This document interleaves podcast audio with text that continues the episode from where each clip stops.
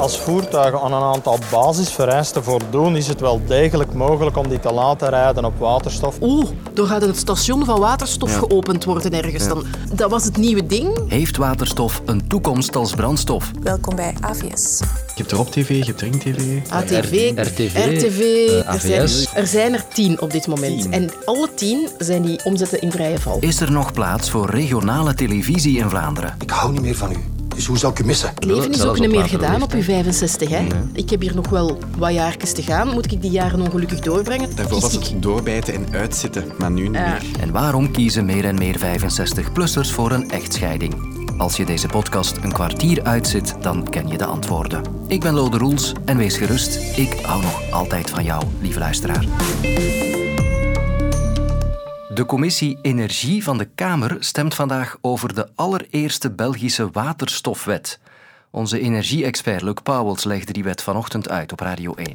Die gaat het transport bepalen en ook het bedrijf dat daarvoor zal worden aangesteld. Het wordt eigenlijk, eh, laten we maar zeggen, een tweede fluxus. Hè, dat eh, de grote aardgaspijpleidingen Ja. onderhoudt. En het wordt eigenlijk eentje van hetzelfde kaliber die waterstofpijpleidingen zou moeten aanleggen, onderhouden en waarop alle andere bedrijven hun gekocht, aangekocht waterstof mogen transporteren aan dezelfde prijzen. Waterstof wordt al jarenlang gezien als de toekomst. Al twee decennia lang horen we over nieuwe initiatieven van waterstoftankstations Het eerste waterstoftankstation langs de Belgische wegen. Een bovengrondse tank van 17.000 liter en maar één pomp. omgebouwde auto's Hieronder is de uitlaat. En het enige wat je voelt is vochtig wordt en water is. Het enige wat deze wagen uitstoot is water. of lijnbussen op waterstof. Het is veel rustiger rijden. Pak minder lawaai dat er aan te pas komt. En je merkt ook aan de reizigers als die opstappen, die zijn automatisch stiller en rustiger. Alleen blijft het grootschalig gebruik van waterstof in ons dagelijks leven uit. Doorbreken doet het blijkbaar niet. Maar hoe komt dat? Heeft waterstof eigenlijk nog wel een toekomst als brandstof? Ik kreeg Pieter Vingerhoed aan de lijn. En hij is energie-expert bij Vito Energyville en ik ben in het dagdagelijkse leven bezig met energiesysteemmodellering. Er ligt op dit ogenblik in ons land al een netwerk van 600 kilometer waterstofleidingen. Wie gebruikt dat waterstof? Momenteel is waterstof vooral belangrijk in de industrie. Vooral de raffinaderijen eh, in de haven van Antwerpen die gebruiken veel waterstof. In de ammoniakproductie, wat dan later, ammoniak wordt dan later gebruikt om kunstmest en dergelijke te produceren.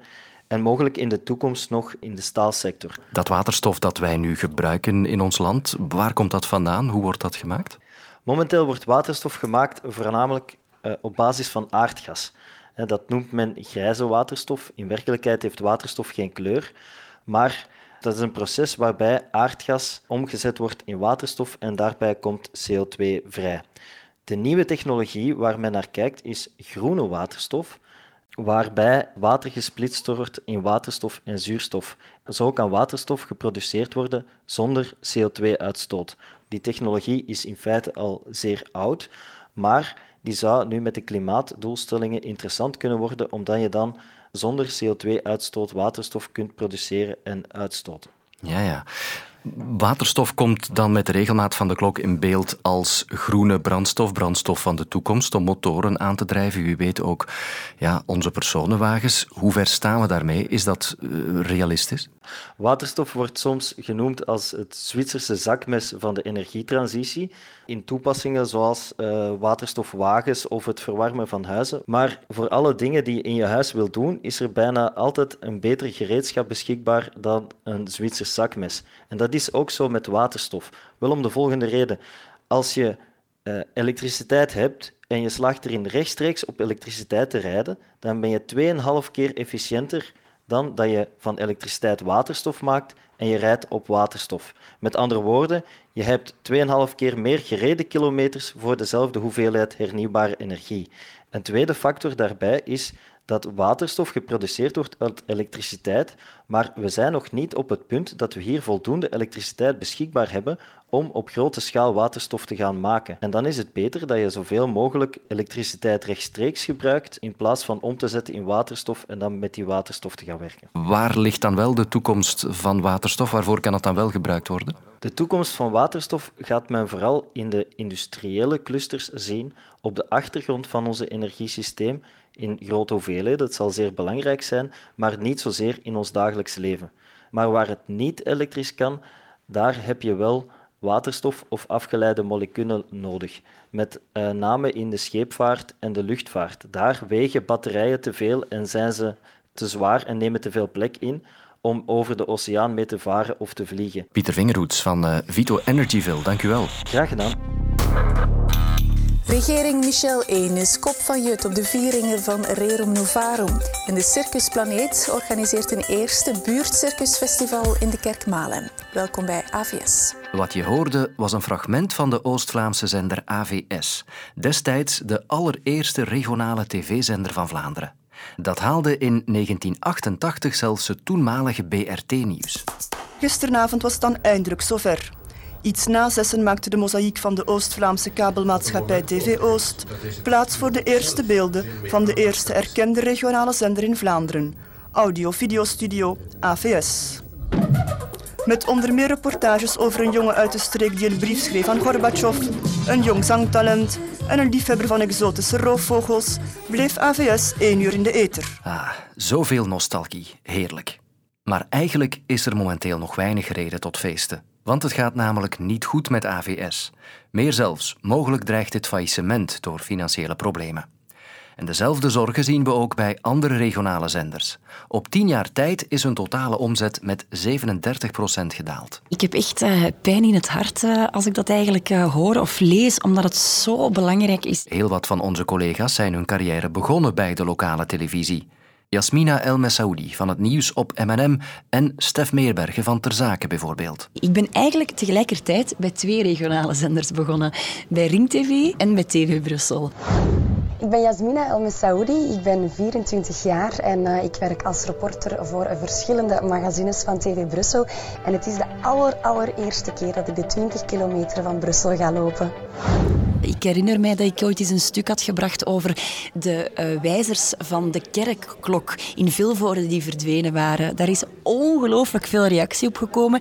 Terwijl als ik nu in het M&M-nieuws uh, iets breng over uh, de ministers van Energie die samenkomen, dat is ook belangrijk, maar dat leeft minder. Dat is, ja, dat is minder persoonlijk. En dat persoonlijke, daar hebben mensen misschien eens te meer nu erg veel nood aan. En dat is ook wat regionale zenders echt wel brengen. Voor mij is zo'n regionaal medium echt wel een, uh, een plek waar je als journalist heel veel leert en je neemt dat mee in de rest van je carrière. Je komt daar in een bad terecht waar dat je van het kleinste item toch iets moet maken. Een verzamelaar die eigenlijk drie, vier objecten heeft, een pensenkermis, een, een, een lokaal feest. Je gaat er naartoe en je leert iets te maken van iets wat dat op het eerste gezicht ja, misschien toch niet echt een, een verhaal heeft. In een groter bedrijf zoals VRT heb je ja, veel meer functies, veel meer mensen. Maar een regionale zender heeft die capaciteiten niet. En dat is net super als je onervaren bent, want dan word je erin gegooid en dan uh, moet je proberen ja, boven water te blijven. Maar je leert daar echt ongelooflijk uh, veel mee. Het is, het is echt de beste leerschool dat ik mij kan voorstellen. Ik ben niet verbaasd door het feit dat regionale zenders het moeilijk hebben. In de tijd toen ik er werkte, waren die echo's er ook al. Ik was freelance journalist, dus ik werd daar betaald per reportage. En die prijs was eigenlijk echt heel laag. Maar echt heel laag. Zo laag dat je eigenlijk zou zeggen van, ik doe het niet meer. Maar ja, we bleven dat allemaal doen, omdat het zo'n fijne plek was om te werken. En je had sympathie voor die zender ook. Hè. Die gaf kansen enzovoort. Maar uh, ik moet zeggen, um, in die periode, gelukkig had ik nog geen huis af te betalen, nog geen gezin enzovoort. Want op het einde van de maand was het echt nodig om mijn spaargeld aan te spreken. Dus ik kwam eigenlijk niet rond. Toch een teken aan de wand dat er al langer geldproblemen zijn bij de regionale tv. Tim Raats is professor mediastudies aan de VUB. Ik heb twee vragen voor hem. Hallo, goedemiddag. Waarom hebben regionale zenders het zo moeilijk? Aan de ene kant heb je het uh, dalende publiek. Hè. Je zit met een, een vooral ouder publiek, een uh, redelijk vergrijzend publiek. En uh, regionale omroepen hebben het ook heel moeilijk om dat jonger publiek uh, aan te trekken, omdat die voornamelijk zich richting uh, online kanalen gaan begeven.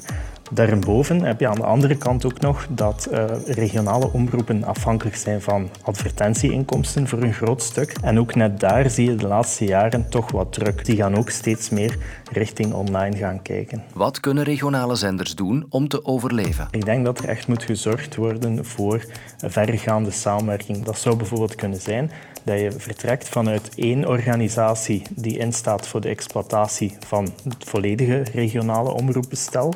Je zou ook kunnen kijken naar een meer vergaande samenwerking met de publieke omroep, VRT, waarbij je bijvoorbeeld regionale slots hebt die dan verzorgd worden door lokale redacties, een beetje zoals het geval is met het regionaal nieuws van Radio 2.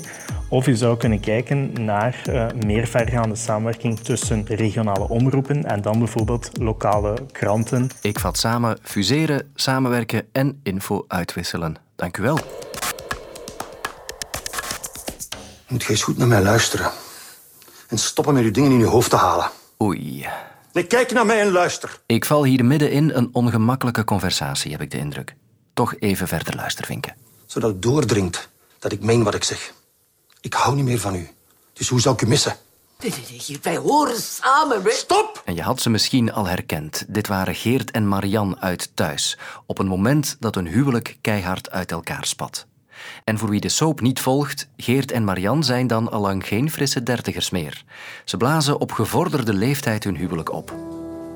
En ook in Mooi en Medogeloos zag ik het al gebeuren. Eric en Stephanie Forrester, die met grijze haren en ouderdomsrimpels de echtscheidingspapieren ondertekenen. I do believe it's a tragedy for our family.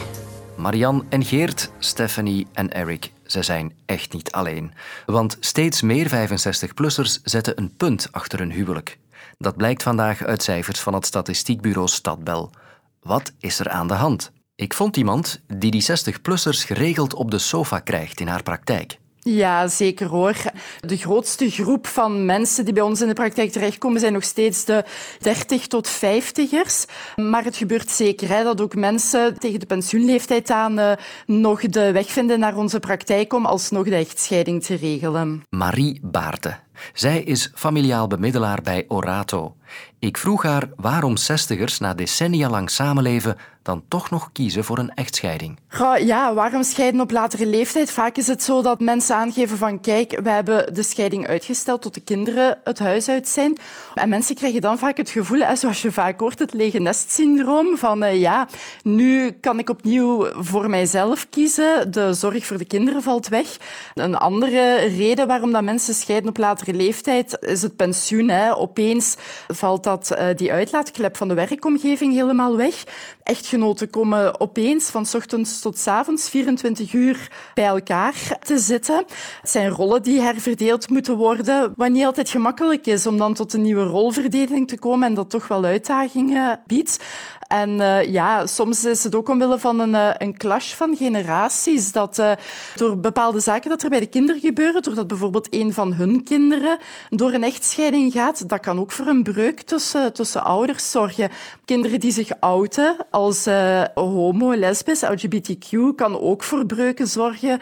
Dus er zijn wel een aantal uitdagingen die zich vooral stellen bij, um, laten we zeggen, 50, 60-plussers. Dat zijn dus de concrete aanleidingen. Maar de tijdsgeest, die speelt duidelijk ook een rol. Absoluut. Hè. We zien inderdaad die maatschappelijke verschuivingen, waarbij dat de kerkelijke moraal, zoals die vroeger er was, van je blijft bij elkaar tot de dood, je scheidt, een stuk afbrokkelt. Het wordt meer geaccepteerd dat je ook meer voor je eigen individuele geluk gaat. Daarnaast zijn vrouwen nu een heel stuk onafhankelijker en zelfstandiger dan een paar decennia geleden, hebben een eigen inkomen, waardoor dat de stap om het huwelijk te verlaten ook een stuk kleiner wordt. We leven ook langer dan vroeger. Hè. Mensen zijn, zijn een heel stuk langer getrouwd, daardoor ook dan vroeger. Mensen denken van ja, goed, ik ben nu 50, 55, wil ik deze relatie nog wel, wel 20, 30 jaar verder zetten op deze manier. Maar het lijkt me toch niet evident om op je 65ste nog in die hele procedure te stappen. Zij zitten natuurlijk met andere bezorgdheden. En het is ook vaak moeilijker op die leeftijd om tot een goede financiële regeling te komen. Bijvoorbeeld de loopbaancarrière is ondertussen afgerond. Mensen weten ook op mijn leeftijd nog een lening krijgen als ik bijvoorbeeld nog iets nieuw wil aankopen of dergelijke. Allemaal niet meer, eh, niet meer zoals toen dat ik 30 was. Dus dat maakt wel dat wij als bemiddelaar ook daar een stuk echt heel actief moeten meedenken met mensen van oké, hoe kunnen we ervoor zorgen dat je financieel niet in de problemen komt. Dat is inderdaad wel anders dan bij dertiger, veertigers, die daar een stuk meer vertrouwen in hebben dat dat allemaal wel zou lukken. Dus dat vraagt een ander soort zorg die we daar moeten bieden als bemiddelaar. Dat klopt. En morgen snijden we de werkweek doormidden met een nieuw kwartier interessante vragen die beantwoord worden door Sophie. Zoek je een actuele podcast over sport? Check dan zeker de tribune. Nu in de app van VRT Max.